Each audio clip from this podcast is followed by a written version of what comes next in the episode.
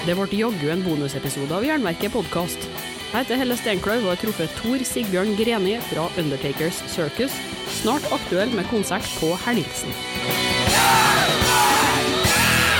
Før vi kjører intervju, har jeg en beskjed og ei belønning på lur.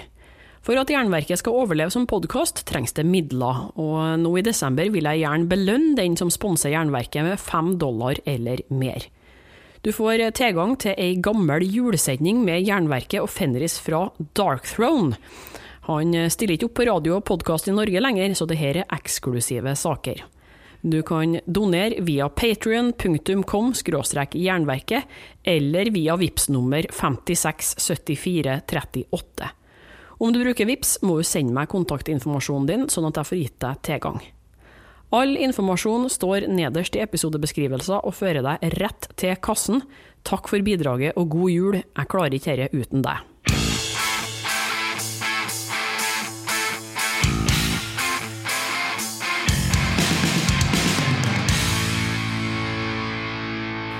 Nå sitter jeg her på kjøkkenet til Tor Sigbjørn Greni. Tusen takk for at jeg fikk komme hit. Jo, hyggelig. Bare hyggelig. Ble det en kveldskaffekopp eh, på oss òg? hva? Det ble en kveldskaffekopp på oss i dag. Ja, ja, ja. Ja. Hvordan eh, går det i dag? Jo, det går, det går bra her. Ja. Eh, Jeg må jo si det. Ja. Vi har jo kommet her for å eh, snakke om eh, musikk, eh, Undertakers og alt innimellom. eh, Og det er vel kanskje naturlig å begynne eh, helt på starten, da. Altså, hva var det som eh, gjorde at du bestemte deg for at eh, musikk, det skal jeg holde på med? Det skal jeg gjøre noe ut av. ja, hvis du vil gå så langt tilbake, Jeg må jo det. så var det vel det at eh, alle venner og, og naboer var jo stort sett med i guttemusikken da jeg vokste opp. Og det var på Lillestrøm, og der var det et veldig stort og aktivt korpsmiljø. Så da måtte jo selvfølgelig jeg stille opp og ville spille tromme. Det fikk jeg ikke lov til. Og andrevalget var trompet. Jeg fikk ikke lov til det heller, så da gadd jeg ikke å bli med. Og, og det ble Jeg syns det var litt for mye sånn kanskje disiplin og litt for mye uniform. Og marsjere i takt og sånne ting. Så da syns jeg det var mer morsomt å spille i rockeband isteden. Litt mer frihet, da, kan du si. Når eh, begynte du med det, da? Det, så her snakker vi jo tidlig 60- eller midten av 60-tallet, tenker jeg. Og um, da hadde det jo nettopp begynt å sige inn fra både England og USA. Tidlig Stones-ting. Og det kom jo litt skikkelig Altså ikke den mest kommersielle musikken fra USA, som Doris Day og, og den typen der. ikke sant? Sånn popmusikk, da, kan du si. Og til og med Jeg tror den store vekkelsen for min del, det var når jeg hørte Little Richard og James Brown. Og et engelsk band som spilte på Folkets hus i Lillestrøm, som het The Primitives. Og de spilte faktisk soul-låter. Og det var fire hvite menn. Og da tenkte jeg aha, er det mulig? Er det mulig? Går det an å være hvit mann og spille så tøft som dette her? Og da begynte jeg å høre litt mer på soulmusikk, da. Og, og blues, egentlig. altså. Mye Muddy Waters og Ja. Syns det var veldig bra. Så jeg var i grunnen litt sur på Stones. Ja han? Når de tok eh, navnet sitt etter en låt av Muddy Waters Han har jo en låt som heter 'Rolling Stone'. Som de tok som navn, så syns jeg det var litt eh, fantasiløst. Å rappe det som navn. Og så første hiten deres, det var vel 'I Wanna Be Your Man', og det tror jeg er en låt av Chuck Berry, faktisk. Som de covra. Pluss at de gjorde cover av Route 66. Som jo er en gammel jazzlåt, egentlig, fra 1936. Komponert av Bobby Troop. Nå, vi bli, nå blir vi bluesasylet her etter hvert. ja, ja. Nå er vi på vei, nå er vi rett på vei inn i bluesasylet. Altså. Ja, men altså, det er jo eh, Mye av eh, bluesen gikk jo over inn i rocken, og eh, rocken låna derifra. Og Ja, ja. generelt da, på, på 50-60-tall og den tidlige rocken, så spilte jo folk inn coverlåter og samme låtene igjen og igjen. ja. Så det var ikke noe rart, det. Nei, og hvis du ikke hadde hatt noe blues Av de tøffeste gutta så hadde du ikke hatt rock, og du hadde kanskje ikke hatt så veldig mye punk heller. For det var jo de som begynte. F.eks. en fyr som Link Ray. Som, eh, så vidt jeg veit, første mann som ble arrestert, og det var i 1956, for å spille for høyt på elektrisk gitar på en konsert i New York. Han ble arrestert. Link Ray han spiller sånn surf-gitar. da. Han er dessverre død nå, men den der surf-punken, eller den der eh, som Tarantino og de gutta der plukka opp i California, det, der er han gudfaren, av Link Ray. Vi må jo begynne en plass. Så, Ja, ja, han må jo det. Og etter hvert ble det jo band på deg òg. Ja da. Som- Først begynte jeg å spille trommer, da. Ja, du, du fikk lov til det til slutt, ja? Ja, ja. Ja, men da måtte jeg jo kjøpe, måtte kjøpe trommene sjøl. Jeg fikk dem ikke av guttemusikken, jeg måtte kjøpe dem. Ja. Så da begynte jeg å spille. Så vi spilte faktisk Jeg spilte i danseband. Så på en god dag, på et godt nachspiel, så kan jeg spille både cha-cha-cha og tango på trommer. Ja, ja. Det var jo en nødvendighet det òg for å få det til å gå rundt. Jeg regner med at eh, hvis du skulle spille til fest på lokalet, så var det ikke til å komme med blusete, proggete hardrocktoner akkurat eh, bestandig. Nei, det var ikke noe marked for det. Så vi måtte spille litt sånn eh, Ja, in the On the sunny side of the street og Red sails in the sunset og den typen der. Det, men det var gøy. Det var gøy, det. For Undertaker Circus, som det er mest kjent for da, det starta vel rundt eh, 67, forstår jeg sånn. ja. Kan du, Det starta i 67. kan du fortelle litt om eh, oppstarten til eh, bandet her?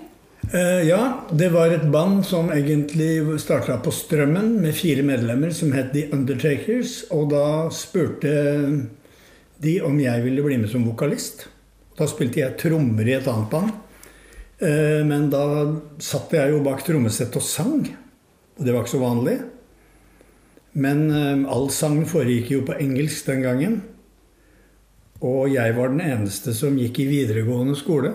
Så så det var, det var jeg som måtte, måtte dekode tekstene, da, for å si det sånn. Men da spilte jo vi coverlåter, blueslåter og litt sånn Yardbirds og Kinks og Stones og litt sånn, da. Men allerede den gangen ikke Beatles. Og hvorfor det? For det var for kommersielt. Alle spilte Beatles. Og det ble jo spilt i hjel. Alle spilte det. Og de spilte det sannsynligvis bedre enn oss òg. Så da En av favorittbandene der, det var jo The Pretty Things. Som var enda et par hakk råere enn Stones. Og Pretty Things var jo faktisk i Oslo i fjor og spilte.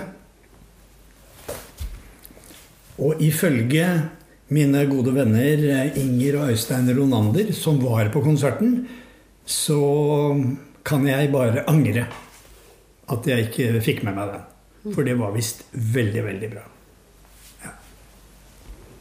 Ja, Jeg vil nesten si at Pretty Things var kanskje det første punkebandet.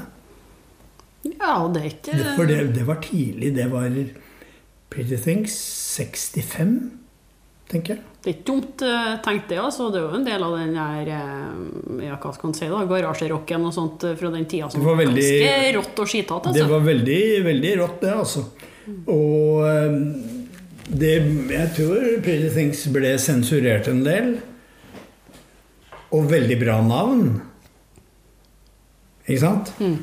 Så røff sceneopptreden, og så tøffe låter, og så heter det Pretty Things. ja. Det er veldig bra. Ja, men altså, de, de var jo åpenbart ikke fornøyd da på sikt i The Undertakers med å spille coverlåter og synge eh, på engelsk for bestandig. Nei, altså Historikken der ble at vi slo oss sammen da med et band fra Strømmen. Som heter Syndicats. Og der var det et par mann som var veldig bra til å synge. Jeg vil jo nesten si at de sang bedre enn oss. Og da Man må jo alltid jobbe sammen med noen som er bedre enn seg sjøl. Så det har, det har vært uh, noe av min filosofi. Hvis du skal samarbeide med noen, så finn noen som er flinkere enn deg sjøl. Mm. Og det går greit eh, for sjølfølelsen, det? Ja, vet du hva. Det, det, det, det, tror jeg Det må man bare leve med. Men de gutta der i Syndicats, de spilte da soul, mer soulmusikk enn oss. Og spesielt hadde de med seg Curtis Mayfield and The Impressions.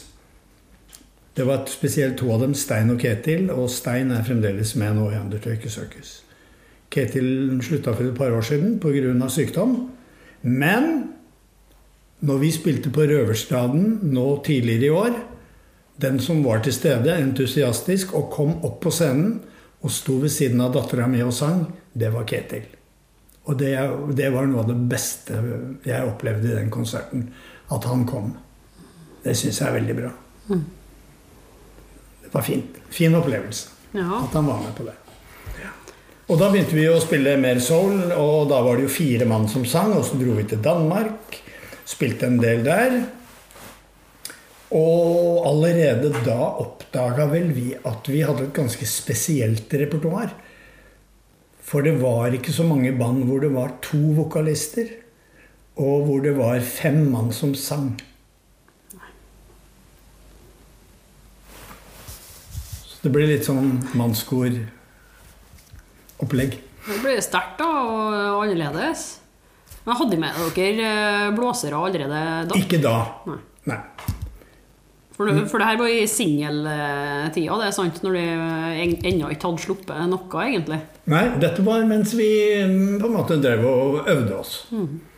Så da, Vi hadde noen år, og, og den, den, erfaringen vi fikk ved å turnere i Danmark spesielt, spille to jobber på kvelden og spille til klokka tre om natta, det tror jeg er kanskje hele forskjellen. Så når vi kom hjem til Oslo og spilte og sa 'Å jøss, så bra dere har blitt', så tenkte vi ja vel, har vi det? Men vi hadde bare spilt hver dag. Rett og slett. Men var det annerledes i Danmark enn i Norge å være band der? Mye tøffere. Mye hardere konkurranse. Og det sier jo litt om at når vi spilte på Revolution i København, så spilte The Chicken Shack kvelden før oss. Og Chicken Shack, der satt en dame som het Christine McVie på pianokrakken. Som seinere ble jo sentralt medlem i Fleetwood Mac. Og dagen etter oss spilte Fleetwood Mac. Men det var det originale engelske bandet med Jeremy Spencer og Danny Curven på gitar. Peter Green, originale medlemmet, hadde akkurat slutta. Og de to. Og jeg har en mistanke om at John McVie fra Fleetwood Mac og Kristin McVie, som var på klubben Jeg liker i hvert fall å tenke at de traff hverandre der. Og la grunnlaget for Fleetwood Mac. Kanskje det? Kanskje det. kanskje vi vet noe som ingen andre vet. Nei, kanskje det. Litt sånn fun facts. Men det var i hvert fall gøy å spille på en klubb.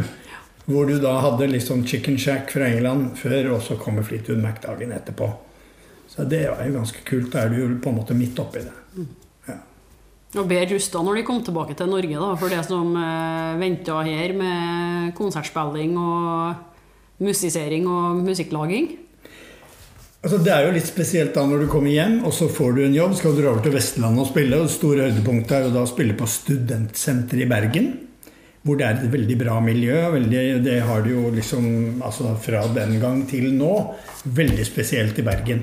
Men for å finansiere det, så måtte den lokale manageren, Bårdsen, tidligere bassisten i Rytmic 6, sende oss ut på Isdalstø og Fotlandsvågen og Askøy og jeg vet ikke hva og spille. Og hvis vi ikke Det var sånn Hvis dere ikke spiller Mississippi, så får dere juling. Det var litt sånn. Høres ut som det var den jevne historien for mange av rockebandene i Norge på 60- og 70-tallet. Det var litt sånn, men da fikk du jo med deg god erfaring. Da måtte du dra frem noen gamle slagere. Og ja, ikke, ikke, kanskje helt å spille Red Sails in the Sunset, men det var like, ikke så Det var like, like før. på en måte. Ja. Men det, det tok jo en del år før det kom plat. De ga ut en uh, singel der det sang på engelsk til å begynne med. Ja. Det var når Undertakers Circus ble starta med de to bandene. Og da hadde vi jo faktisk, selv om vi ikke hadde med fast blåserekke, så hadde vi med blåserekke da. Da ble det lagd arr, og da spilte vi inn to Curtis Mayfield-låter. 'Little Boy Blue' og 'Got to Get Away'. Så det var på plateselskapet til Barry Matheson, Continental Records, og i studio til Arne Bendiksen. Så det var jo en sånn Det var en interessant øvelse. Men da var vi såpass godt øvd, altså vi hadde spilt så mye, at begge de låtene spilte vi inn med blås og sang og alt på én dag. Én dag i studio. Herlig. Ja. Og Hvordan ble dere mottatt av eh, folket? da? De hadde vel allerede en del fans eh, da? Ja da. Da hadde vi en liten sånn eh, en liten trofast gjeng som fulgte oss litt rundt. Ja. Var det på denne tida VG nekta å skrive om dere òg, eller? Mm, ja, det vil jeg tippe det var omtrent da. Ja. På grunn av navnet, da. Så apropos Pretty Things. Ikke sant? Det var jo genialt lurt. Vi heter jo Undertaker Circus, og det betyr jo noe sånt som at ja, Det var jo inspirert av eh, California med elektrisk eh, svisker, ikke sant. Electric Prunes og Big Brother and The Holding Company og sånn. Og det og at et band kalte seg begravelses, som hadde noe begravelse og død å gjøre, det var for sterk kost. For eh, redaktør Oskar Hasselknippe. Så da ble vi boikotta av VG. Men det hadde jo ikke noe å si for dere. Altså, Nei, det var jo bare fint. Vi syntes det var kult, vi. Det blir litt brodd i det med en gang du boikotter av ei avis, altså. Se på Putin nå, som sitter og okker seg over at eh, det dukker opp prog, altså elektronikaduoer som er kritiske til saker og ting. Og han sitter der og, og lurer på hvordan han skal forby det. Og det blir jo bare mer og mer populært. Han har, altså, så der er Oskar Hasselknippe og Vladimir Putin helt på linje, og det hjelper ingenting. Men eh, hva holdt du på med i de årene her da, frem mot at det ble eh, Ja, det kom vel en, eh, en singel til før det ble plateutgivelse på dere? Um, ja, det kom en singel på Polygram, men da hadde vi fått kontrakt og skulle spille inn Ragnarok. Ja. Ja. Men så ble det litt krangling med Polygram, for vi spilte inn Vi gjorde et radioprogram for NRK, Åpent hus, og da i den forbindelse så lagde vi en sånn countrypastisj. For du vet at det er ikke sånn som nå, hvor Altså hvor bredden er enorm. Du kan spille folkepunk og alt mulig rart. Da var det veldig steile fronter og strenge skillelinjer.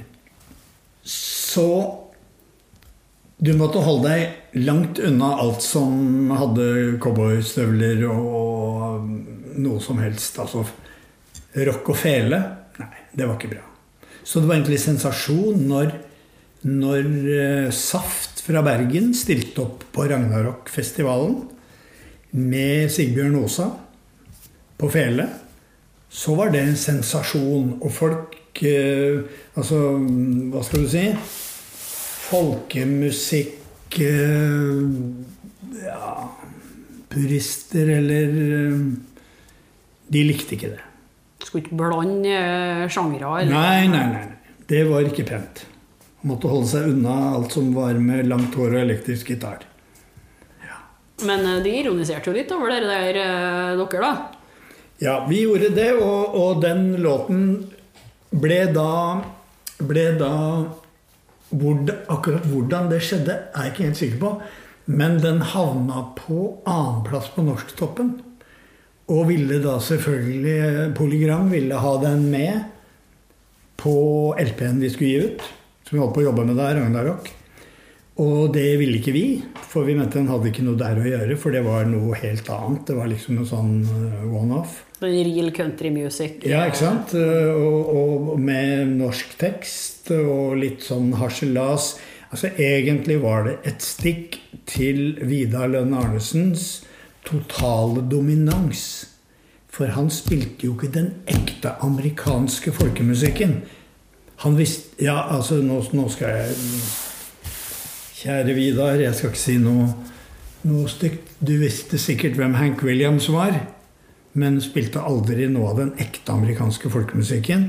Det ble det glatte, pene Nashville-greiene med Jim Reeves, Bobby Bear og alt det ja, veldig strigla og, og fine greiene som han spilte. Og da ble det litt krangling med Polygram, og så ble ikke den med. Og så svarte Polygram med at de ikke ville gi ut en låt, altså en låt vi hadde lagd med tre satser, hvor det var med åtte takter av Internasjonalen. Den ville ikke Polygram ha med. Og enden på visa ble at uh, LP-en vår, Ragnarok, ble gitt ut uten Real Country Music. Og uten tredjesatsen, som den het, med åtte takter internasjonalen. Og så ble det gitt ut på en singel. Og uten at Polygram var klar over det, så hekta vi på tredjesatsen på B-siden av singelen. Så du fikk lurt dem? Eh, vi fikk, vi, fikk lur, vi fikk lurt den ut på baksiden av den singelen. Ja. Men den er veldig Jeg tror ikke det er noen av gutta i bandet som har den singelen der. Med Real Country Music på A-siden og altså menuett-silikose annen- og tredjesats på baksida. Så hvis noen som hører dette her, har den singelen, så hadde det vært veldig moro å få lånt den. For jeg tror ingen av gutta i bandet har den. Den er veldig sjelden. Ja. Ja, men det her er etterlysning til dem etterlysning, som uh, ja. hører på Jernverket. Det var artig å få lånt den. Uh, har Sigbjørn her spør uh, personlig. Ja. ja. men det ble jo, ble jo plat, da, med, med Ragnarok ja, det ble det. i 73. Mm -hmm. Ja, det ble det. Så du fikk jo igjennom, men jeg kan jo fortelle litt om denne plata. Den har jo i seinere tid blitt en, regna som en sånn bauta i norsk rockehistorie. Men den gangen så var det vel kanskje ikke så mange hundre tusen som benka seg foran platespilleren med den. Nei. Eh, jeg tror det at Polygram hadde den i lager i tre eller fire år. Og vanligvis så pleide de å ha en norsk LP i to. Men den solgte jevnt og trutt, og da i dette tilfellet betyr det kanskje to eksemplarer i uka. I tre år, mye blir det? Å ja, det må være litt mer. For jeg tror de solgte ca. 3000 X før de tok den ut av lager. Jeg fikk telefon fra Polygram. Spurte nå tar vi den ut av lager. Trenger du noen eksemplarer? Så tenkte jeg nei, jeg har to skiver, så det er greit. Synd det, liksom. Så, og dermed gikk den over i historien. Og så, noen år etterpå, dukker den selvfølgelig opp til dobbel pris og tredobbel pris hos Ringstrøms antikvariat, og prisen bare økte og økte. For den ble jo sjeldnere og sjeldnere. Til den for tre år siden nå ja, tre år siden nå ble gitt ut igjen av Big Dipper. Eh, på deres eh, plateselskap Round 2. I og med at den var eh, etterspurt i prog-miljøet, og ikke bare i Norge, men men uh, altså, de har jo et marked som er uh, altså, I hvert fall Skandinavia, og de selger jo litt i Tyskland og England og litt forskjellig sånn. Og det er jo litt interesse nå for norsk prog rundt forbi. Og hittil så tror jeg um, at Big Dipper har solgt 1300 av den nyutgitte plata. Og det er ifølge dem ganske bra. Mm. Jo steindyr, eh, originalen, så eh, vil den ha det, så er det et godt kjøp å kjøpe nyutgivelser. Ja, ja da, og jeg har uh, hatt noen som kom bort og bedt meg å signere et eksemplar og si at jeg har et hjemme, men det spiller jeg ikke. at jeg har originalen hjemme, men den har jeg Ja. Jeg vil ikke slite den ut. Men det er jo gøy, da. At det Ja. fins sånne entusiaster rundt forbi. Men på Ragnarok-plata så var det jo full besetning da, med blåserekke og full pakke. Ja, da hadde Undertaker Circus uh, funnet formen, sånn som det for så vidt framstår i dag. Samme besetning. Med mm, fire til fem blåsere, litt avhengig. Og ja, og det oppsettet vi har nå, da. Ja. Og inni tekstene der så hadde jo pytta alt fra politikk til norrøn mytologi og dikt og historie og sånn. Hva var det som eh, inspirerte dere til å ta med sånne tekster? Det var ikke bare å gi baby på dere', det skulle være litt mer seriøst. Og på norsk, sånn at folk skjønte hva de sang om, da, ikke minst. Ja. Det var jo en anmeldelse i, i New Musical Express eh, av norsk rock. Eh, hvor da Jeg husker han, han, som anmeldte det, han trakk fram eh, Ragnarok og sier at eh, at det musikalsk så sier han at dette var litt annerledes, og han brukte vel ordet 'interesting' og 'different' og sånn. Og så sier han da for så vidt en ting som jeg har tillatt meg å sitere noen ganger før. Han sa det at And maybe they have something to say, since they sing in their own language. Altså I motsetning til de andre norske bandene han anmeldte, da, som jo sang på engelsk alle sammen. Så, og det er for så vidt en bra observasjon at så kanskje de har noe på hjertet, siden de bruker sitt eget språk. Får ofte mer tyngde og Det er veldig mange artister som sier at det blir mer eh, sårbart og nært når du synger det på norsk, for at da kan du distansere deg fra det du har eh, skrevet, egentlig. Nei, du må jo altså, du, du, ja, du kan ikke gjemme deg da bak. Men hva slags eh, hendelser og historier var det som inspirerte dere til det tekstlige da? Ja, vi Det var jo Altså, dette her var jo 70-tall, og det var EU, og diskusjonene gikk høyt. Og vi var jo da det du ville sikkert nå kalle for at vi var eh, fri... Ja, nei, ikke hippier, ikke frikere. Men altså Vi tilhørte i hvert fall i det miljøet, da. Og da blir det jo naturlig at du tar opp sånne ting i tekster òg. Så det, bare, det var helt naturlig, egentlig, at eh, det er det det var. Religionsskepsis og Ja, vi har ikke vært noe trofaste støttere av statskirken, tror jeg. Noen av oss. La meg tenke meg om. Nei, jeg tror ikke det.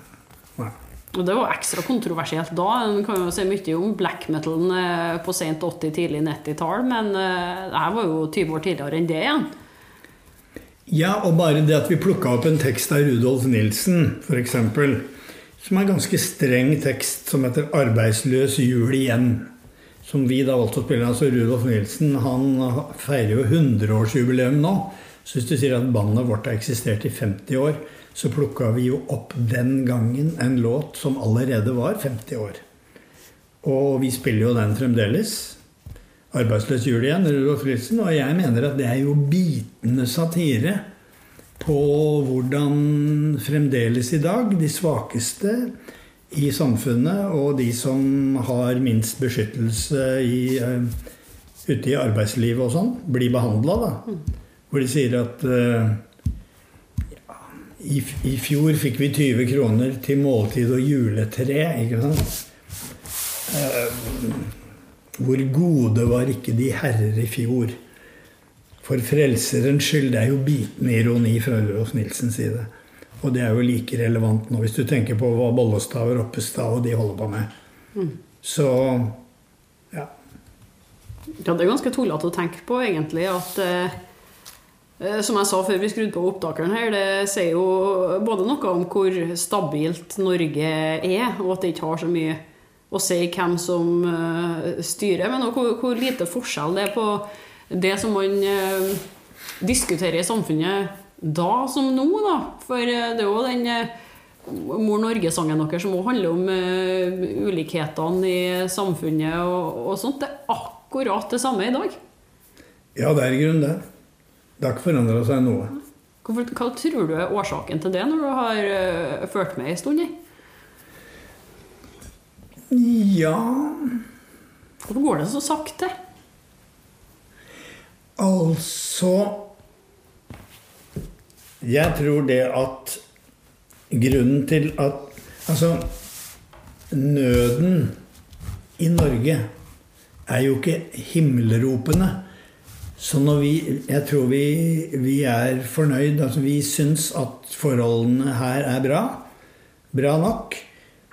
Og så fokuserer vi heller på at det er mye mer urettferdig andre steder i verden.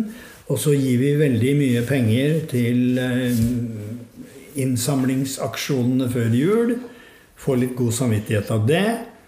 Og vi syns det er bra at Norge yter bistand og alle de tingene der. Og syns i grunnen at, at vi, eh, vi er snille og gjør nok, tror jeg.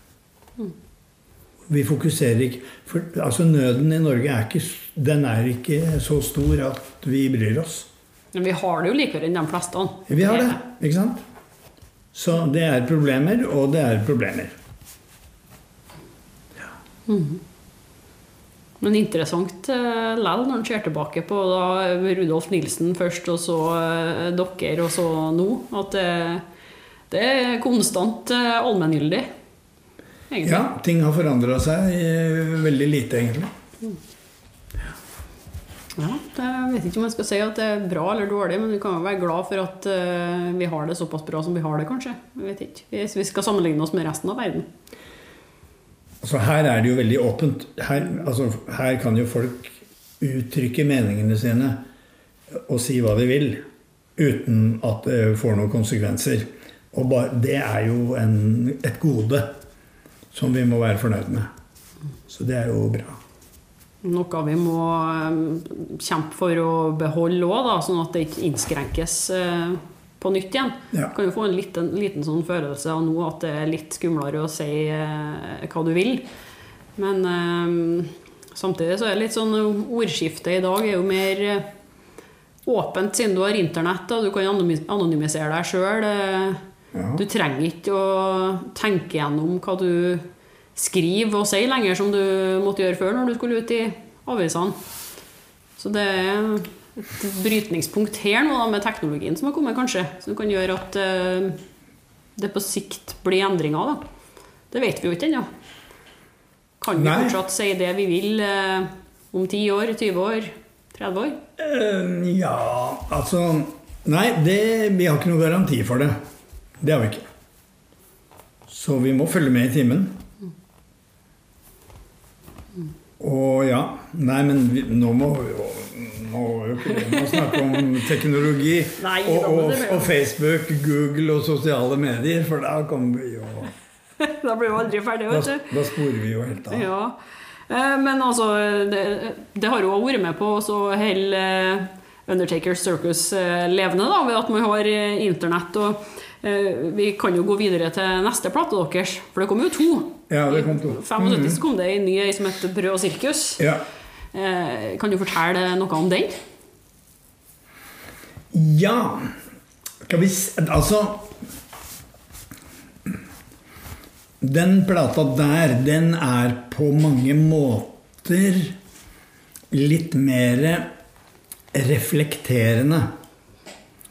Og da er vi ikke så veldig sinte unge menn.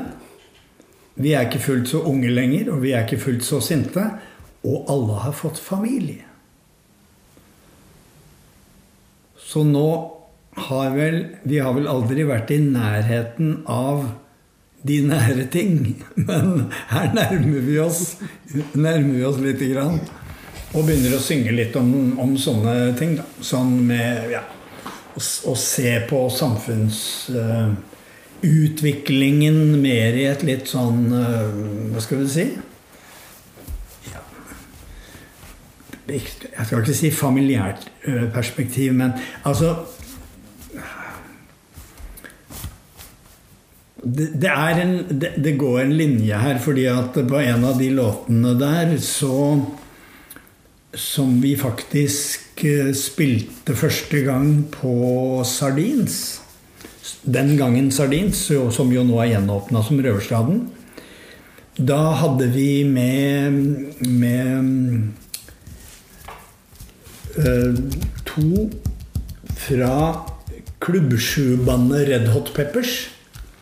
Karin og Torunn Wikstrøm. Og vi hadde med Ragnhild og Marianne, som da var gift med henholdsvis meg og Frank Myrseth, som var med og sang.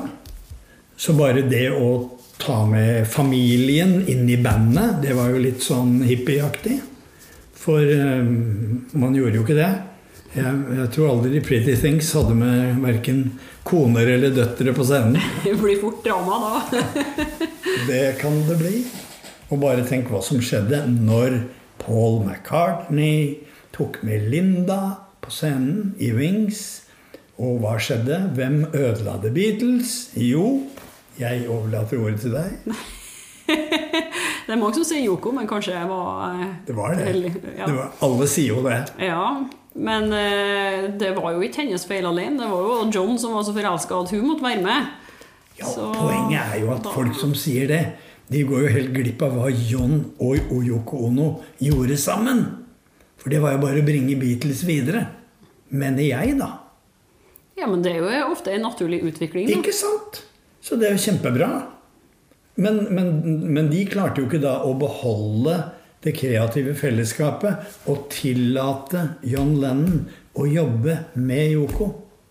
Så det sier jo noe om strukturen i platebransjen. For det var jo ikke bare forholdet mellom gutta i Beatles, men det var alt rundt dem. Plateselskap og sånn som, som snakker om å ødelegge Beatles. Og når de sier det, så var det å ødelegge Beatles som et kommersielt produkt. Men John, i hvert fall han, ville jo ikke ha mer av det. Han var ferdig med det. Og jeg tror også hvis vi hadde hatt Paul McCartney rundt bordet her nå, så tror jeg kanskje han hadde vært enig i det. At han burde ha, ha vært med på det, og heller stått på sidelinja og heia fram prosjektet til eh, John Lennon og, og Yoko Ono. Og midt akkurat da, så kanskje noen år seinere. Man er jo ikke nødvendigvis klar samtidig i et band for å gå videre eller gå solo eller eh, endre kurs, og da er det jo kanskje rett å, å oppløse det òg. Ja, eller i, i, i hvert fall løsne på det, sånn at hver og en kan gå Altså å gjøre sine ting uten at du bør å splitte bandet.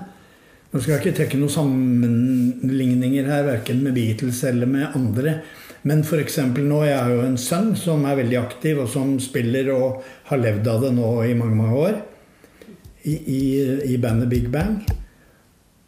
Og de har nettopp hatt et veldig for alle sunt avbrekk i bandet. De har jo aldri oppløst bandet, men de bare tok ferie. Og en av gutta gjorde et prosjekt som heter Band of Gold. Bassisten Nikolai.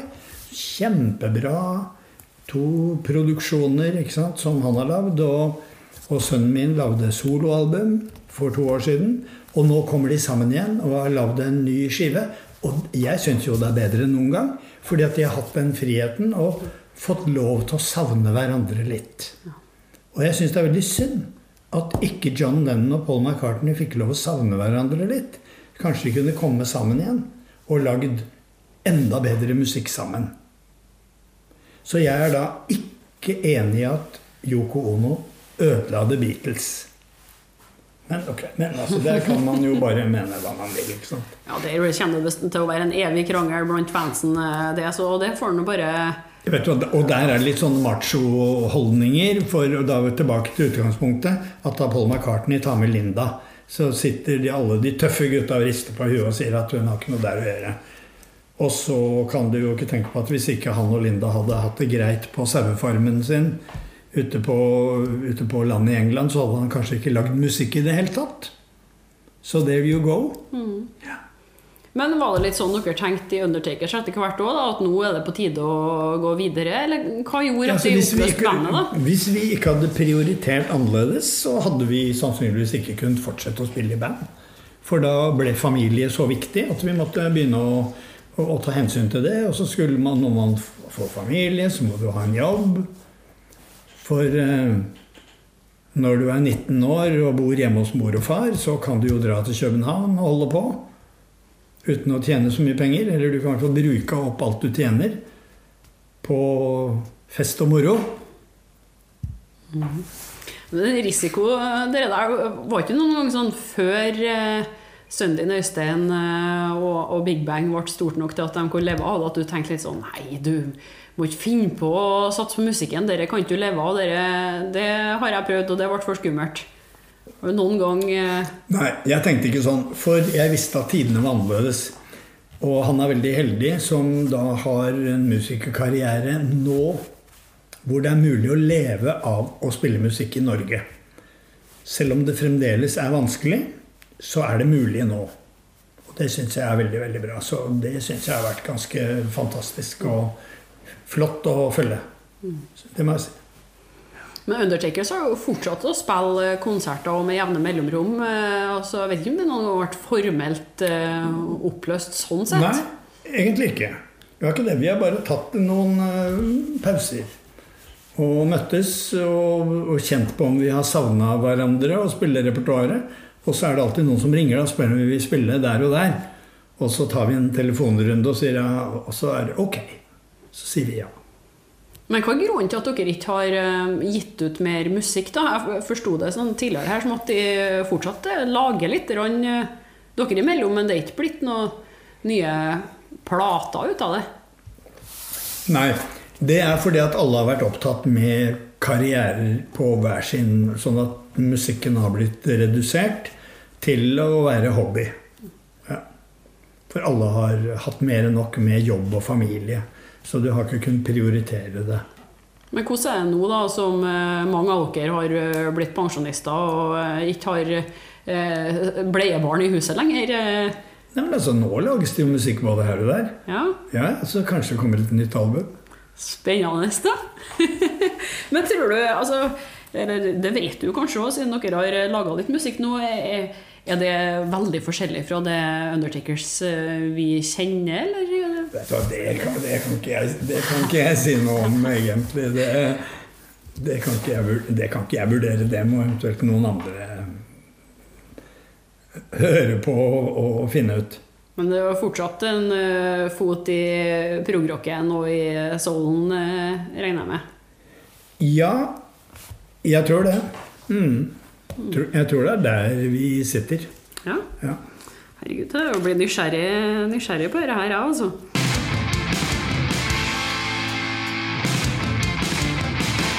Vi må jo ha noe Nå har vi snakka oss uh, gjennom bandhistorikken og Eh, inspirasjon og politikk og eh, andre band og alt mulig sånn der òg. Men eh, vi må jo ha noen røverhistorier fra tida med Undertakers òg. Man opplever jo gjerne mye rart når det er i et band, om det er noe katastrofalt på en turné, eller noe spesielt artig. Folk en møter underveis. Den konserten man alltid husker fordi et eller annet rart skjedde. Har du noe sånt å dele med oss? Ja, Altså røverhistorie Jeg vet ikke akkurat uh, hvor Er du ute etter skandaler her, eller hva er det? Ja, altså det spørs det, det er jo varierende hvor store skandaler folk har lyst til å dele da, eh, med offentligheten. Så, eh, så, om det er sånn at du ikke har lyst til å utlevere noen direkte, så, så skal du slippe det. Men det må i hvert fall være en, en god historie, da. Som um, det, trenger ikke å være skandaler, det kan jo bare være noe som sitter igjen i minnet som dere der var mm. spesielt bra, eller spesielt dårlig, eller artig. Det, jeg har jo fått alt, historier om alt fra mislykka bollekanoner til raste tak, til biler som har kjørt utafor stup på veien. Altså til Ja. Nei, men altså altså, av sånne morsomme historier da, fra turné, så er det i hvert fall én historie som sitter godt hos meg, og det er en kveld i København hvor vi spilte på Det var ikke Revolution, men det var på en av de andre turneene våre hvor vi spilte på et sted som het Klubb 6. Som da var eh, i København. Og som navnet tilsier, så var det jo et sånn anerkjent, eh, kan du si, sånn type diskotek og sjekkested, da. Eh, hvor det var 30 minutter band og 30 minutter DJ-sett. Og hver av disse Det var da syv ganger 30 minutter, så vi spilte altså tre og en halv time. Og da var det DJ som var tre timer, så er seks timer. Så hvis dette åpna klokka åtte på kvelden, så spilte vi vel til tre om natta, tenker jeg. Noe sånt. Så det er jo ikke noe Vi ble jo flinke etter hvert når vi holdt på sånn. Men det var en av de kveldene, og da ganske seint på det siste settet, så kom vårt management fra København innom med et av sine andre gjesteband. For de hadde da vært og hatt en konsert et annet sted og slutta i litt mer kristen tid, for å si det sånn. Og så skulle de ta dem inn, så nå drar vi dit, for der har vi et norsk band som spiller. Som heter Undertaker Circus. Og så kom de draende med dem. Og det var fem engelskmenn under navnet Jimmy Page and The Yardbirds. Kom innom der. Og satte seg ned og fikk drinker. Og de hadde jo selvfølgelig med noen uh, ganske spektakulære danske groupies. Og vi begynte å spille. Og så opplever vi da at da gutta som satt ved bordet da, sammen med disse fra Thomsen og Warsø to, to fryktede danske impresarioer kunne sagt mye om dem, men um, pga. deres familie og barnebarn skal jeg ikke gjøre det. Men de var nå der med gutta sine, engelske bandet. Så spretter de opp med sine danske venninner og begynner å danse. Og begynner å nærme seg scenen. Og så og titter opp og knipser. Og når vi spiller Curtis Mayfield-låter, så tenker jeg men det der, det er jo Robert Plant som danser. Ja, det var det helt riktig. Han var jo da med og sang. I The Yardbirds. Og så Den eneste av dem som ikke dansa, han satt, og det var selvfølgelig trommeslageren, som het John Bonham. Og Jimmy Page var jo da solist. For The Yardbirds var jo da et kjent navn, og de hadde jo da bytta stadig vekk. Jeff Beck var ferdig som gitarist. Eric Clapton var ferdig som gitarist. Og da hadde de fått en tredje frontmannen, da, som var Jimmy Page. Og, og, Robert Plant var vokalist. Og de var der og dansa. Men de hadde jo aldri, eller i hvert fall ikke i Danmark, på klubb hørt noen stå og spille Impressions-låter. Curtis Mayfield. Og de kunne jo alle låtene. Så da står altså Robert Plant og, og knipser og smiler og danser. Så jeg, liksom, jeg er stolt av at jeg faktisk spilte dans for Robert Plant og gutta. Og vi, når vi tok en liten hang i baren der etterpå og snakka med dem, så sier de at vet du hva, nå er vi så fedd opp av å dra rundt her i Danmark og Sverige og hete Yardbirds, så nå er det slutt. Dette er siste turné. Vi skal tilbake til England og så skal vi lage et nytt band, og da skal det bli andre boller. Og det var faktisk Det navnet, det var Led Zeppelin. Så det var da Da var de i Danmark og lada opp til det første albumet. Det er ganske morsomt. Du har vært vitne til forminga av både Led Zeppelin og Fleetwood Mac eh, ja, vidt, versjon 2, du, da. Ja, det var Ja, for så vidt. Ja. For så vidt, ja. Men jeg har jo òg eh, fått med meg at du har en uh, historie med skjelettkostymer, eller skjeletter generelt. Å oh, ja. ja. ja. Det har jo for så vidt ikke noe med Undertex å gjøre. Nei, men, men det var nå sitter vi her med deg, så Ja da. Det var i en litt annen sånn jobbsammenheng hvor det var en konkurranse om å dekorere en um, Altså beste dekorasjon av en Levi's jeans eller jakke. Og den konkurransen vant ei jente i Bergen som lagde et skjelettkostyme av Levis, da, som vi sier i Norge. Jakke og bukse. Og den hang på kontoret mitt. Og Jahn Teigen var jo da eh, innom fra tid til annen. Og fikk eh, speilegg eh, og smørbrød i kantina, som vi delte med Polygram, som var hans plateselskap. Eh, og så skulle han opptre på Grand Prix med Inger-Lise Rypdal og visste ikke hva han skulle ha som kostyme. Så sier jeg men Jan, se på denne her. Og det syntes jo han var fantastisk morsomt, og stilte med den. Og da ble det telefon til eh, Det ble jo en liten skandale, da. Så det ble telefon internt i NRK, og jeg måtte inn på teppet. Og, og mist, det var vel ikke akkurat så jeg fikk sparken, men det var Det ble i hvert fall et enormt oppstyr, og det er jo merkelig, altså. At det kunne bli det. Ja, for du jobba i Livas? Da jobba jeg i Livas, ja. Så vi jobba med, med promotion og Fenomenal reklame, da. Det var jo det. Det var jo det. Men, men igjen at det kunne bli noe sånn mediestorm av det.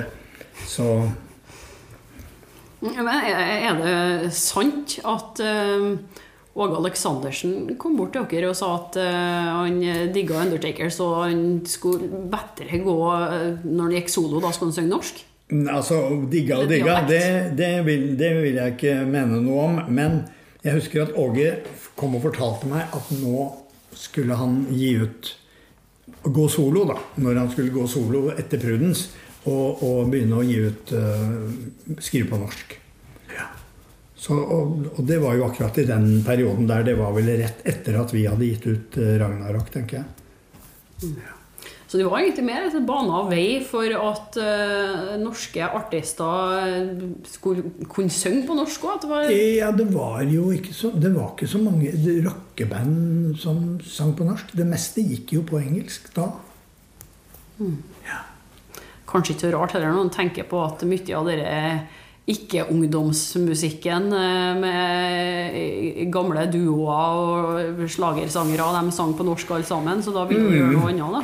Ja. ja. Det, det, helt, det, var noe, det, var noe, helt klart noe der, altså. ja. Men da har vi jo jaggu pløyd gjennom eh, det aller meste jeg har her. Jo, eh, noe jeg syns var litt artig, at den her eh, 'Nattens prinsesse'-låta deres Som jeg ja. for øvrig Å, det vokalharmoniene på den sånn, det er så fint. Men det er jo ei låt som har kommet igjen flere ganger i andre konstellasjoner mm. enn Undertakers. Ja. Mm. Kan du si noe om det? Altså historikken på låten?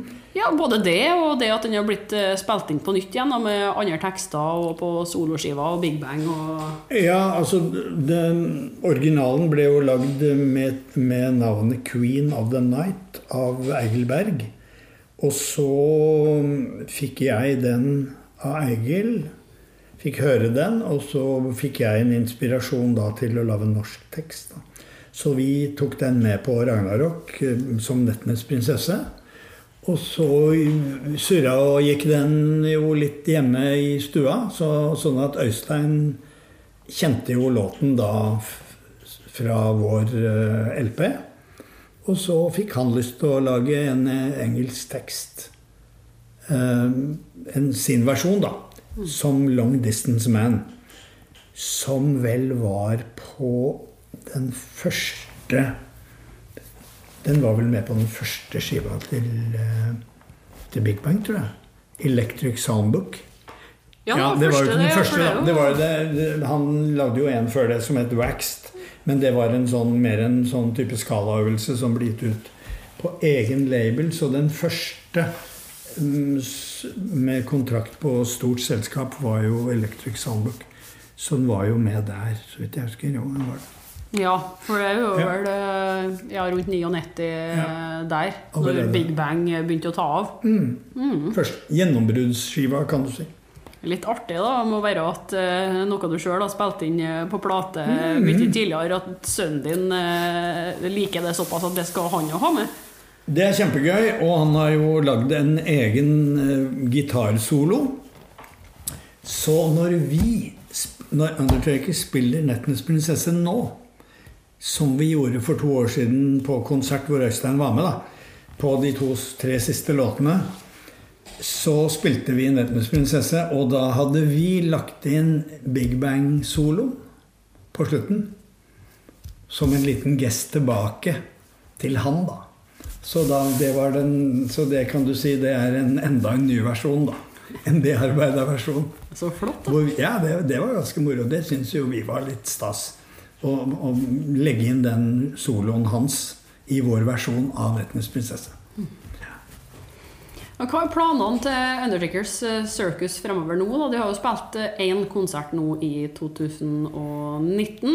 Mm. Det virker som dere holder på å leke litt med ny musikk og sånn, uten at det er blitt noe konkretisert noe mer der. Men, det er litt hemmelig foreløpig. Ja, ja. Men, men hvordan er planene fremover? Får vi sjansen til å se dere snart igjen, eller hva blir det ja, neste? Altså, nå, har jo, nå har jo Røverstaden spurt oss om vi vil gjøre en tradisjon av den konserten vi hadde der før påske. Så vi tar jo sikte på det at vi skal spille der en fredag nå før påske. Sannsynligvis 20. mars eller 27. mars. En av de datoene der. I 2020, ja. 2020. Mm. Som det er over et halvt år til. Men også har vi sagt ja til å spille på julekonserten til Østkanten Bluesklubb. Og det er den 13. desember. Så hvis noen har lyst til å komme dit og være med å synge 'Arbeidsløs jul' igjen, så er de hjertelig velkommen. Allsang. Allsang. Ja, det høres ut som en, en, en plan. Og, og, da, helt til slutt, hvis ikke noe har glemt eller vi føler at vi burde ha tatt med her? Nja, jeg glemt og glemt? Nei, det er ikke det. Men, men, siden vi var der da med det Vi liksom Vi endte opp der med, med Østkanten Bluesklubb mm. og tradisjon. Og møtes og synge og sånn. Så, så vil jeg jo altså slå et slag, eller i hvert fall trekke fram det at jeg syns jo at styrken f.eks. når kunstrocken vokste utover alle dimensjoner på begynnelsen av 70-tallet, og Johnny Rotten og gutta borte i London fant ut at nå må vi bryte ned det greiene der, og så må vi ta det tilbake til folket. Ned på pub. Så er det jo om å gjøre å gjøre musikken tilgjengelig for publikum. Ja. Så det tror jeg er litt sånn at for oss er har alltid vært viktig. Og det tror jeg kommer av at vi har vokst opp i, i et miljø hvor det har vært naturlig med kor. Sangkor, korps. Vært mye sang privat. Bursdagslag, familiefester og sånn. Sang er viktig. Så det er ikke bare å stå på scenen og spille på svære PA-anlegg og se publikum langt unna det er litt ok å være nær publikum også. Og kunne dele musikk med folk. Ikke bare vi som spiller sammen, men at vi også deler det med publikum. Det er viktig at det ikke blir jævlprofesjonalisert. Ja. ja, ikke sant? Jeg så eh, på nrk.no i dag, at, eh, eller Aftenposten, at vi eh, vurderer å ta sangen helt ut av norskfaget nå. I ny læreplan. Og da har de jo forklart det med at det skal være frivillig for læreren å ha det som en del av undervisninga. Men det er jo sånn som kan være litt skummelt. Da får man kanskje ikke den der felles hva, Hvilke ord er det jeg vil frem til? Altså, hver nasjon, hver, hvert folk har noe sånn felles minne av sanger som er viktig akkurat her, da, som alle sammen kan da kanskje ikke det blir sånn hvis en tar det ut av skolen, det, det med synging. Det er det dummeste jeg har hørt. Mm. Så nå er det på tide å skifte regjering. ja, så får vi se om det blir endring. Det er dumt, altså. Lærerne blir sikkert glad hvis vi sier at de skal få enda en reform, da. altså mildemanne. Ja. Men når du har vokst opp i en familie og i en kultur hvor sang og fellesskap, musikalsk fellesskap, har vært veldig viktig og jeg var også til stede i Det må ha vært i Når var det? Det må ha vært i 1999 eller 98 i Riga.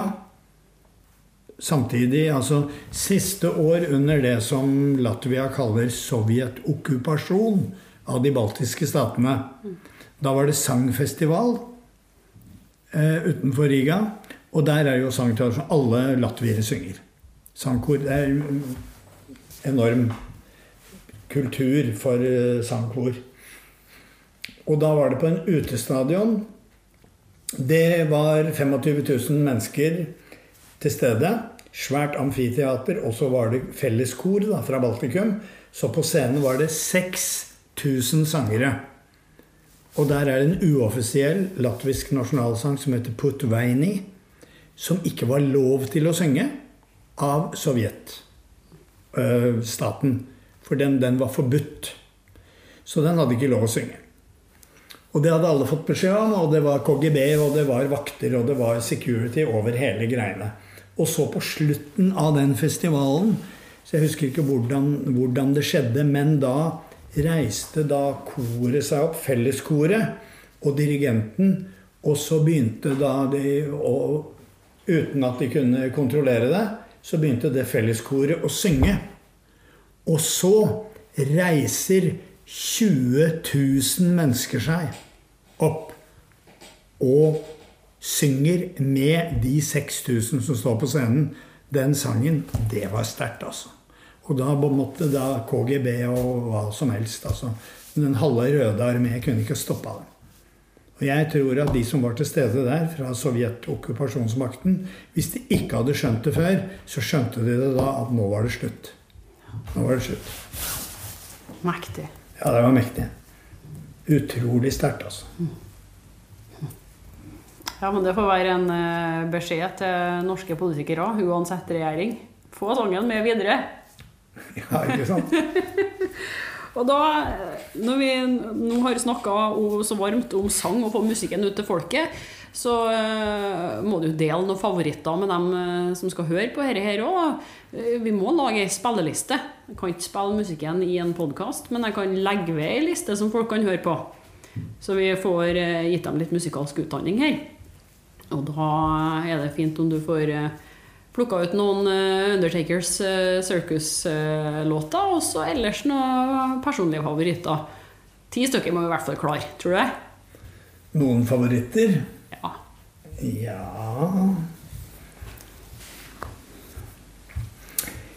Ja, altså jeg syns jo det at et par gode klassikere må vi ha med oss. Og jeg mener f.eks. Det skader aldri å ikke høre litt på Kurt Foss og Reidar Bø. Det syns jeg er veldig bra. Mm. Eh, og der har jeg et bra Altså de nære ting, selvfølgelig, men den kan jo alle. Men, eh, men gå og hør på Jim og Bill fra Sørumsand, f.eks. Fantastisk fin countrylåt. Veldig bra. Eh, med jodling. Jodling er også ganske viktig. Så da får vi foreslå Frank Ifield. 'She Taught Me How To Yodel'. Veldig bra låt. Så jeg må ta med den. Og så syns jeg jo altså på spilleliste så må vi jo ha med et par et, I hvert fall én Jussi Bjørling-låt.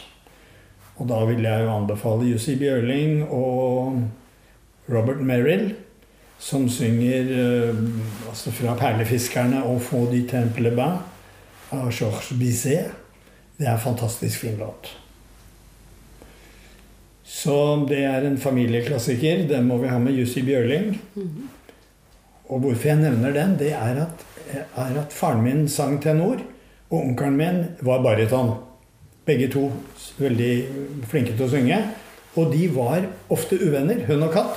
Og ofte når det var bursdag og det gikk et par pjoltere, så begynte de å krangle. Og det var alltid om politikk. Og da sa min onkel nei, gutter, nå er det slutt på politikken. Nå tar vi fram gitaren.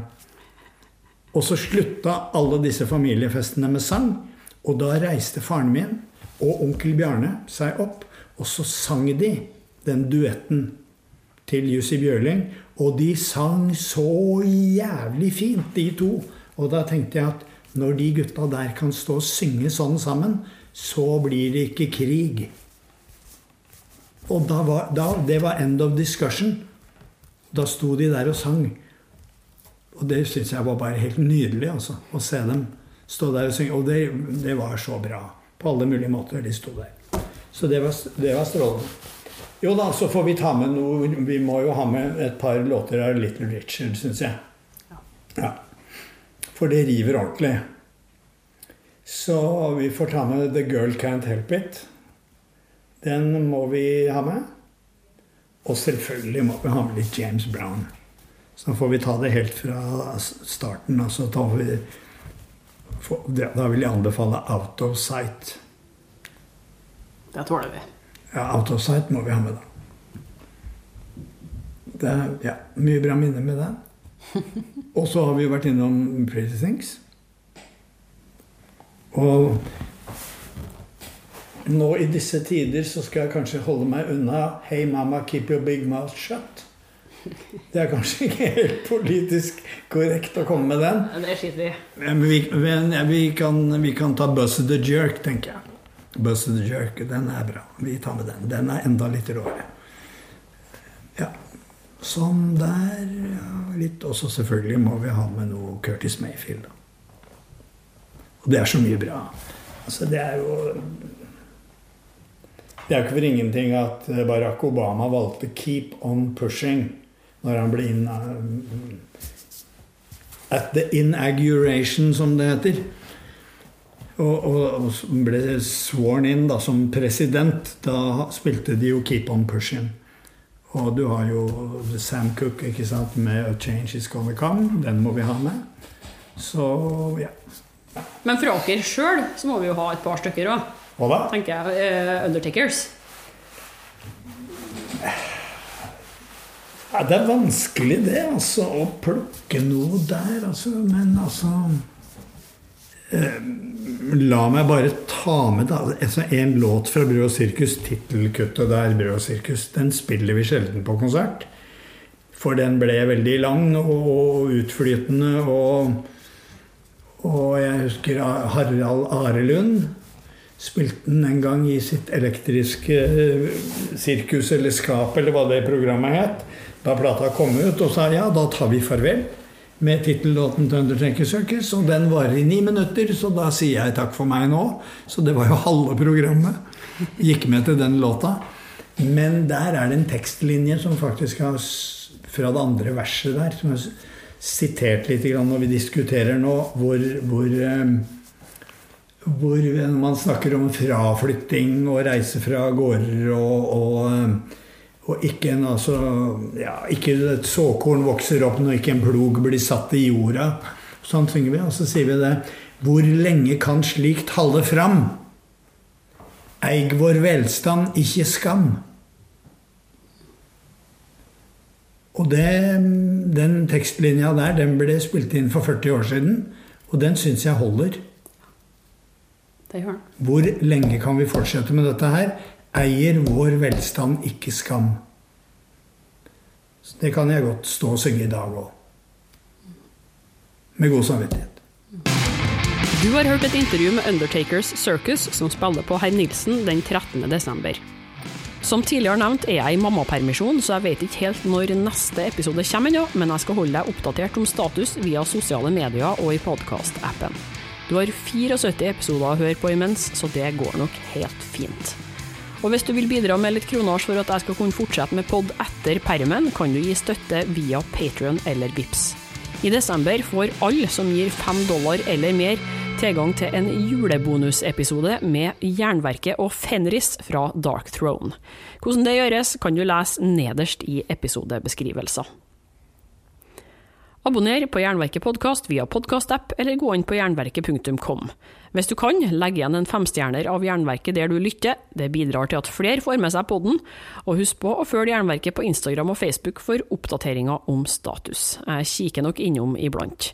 Helle Steinkløv, det er meg. Jeg lover å fortsette med gamle og nye hardrock-intervjuer i løpet av 2020. God jul og takk for følget. Vi høres om noen måneder.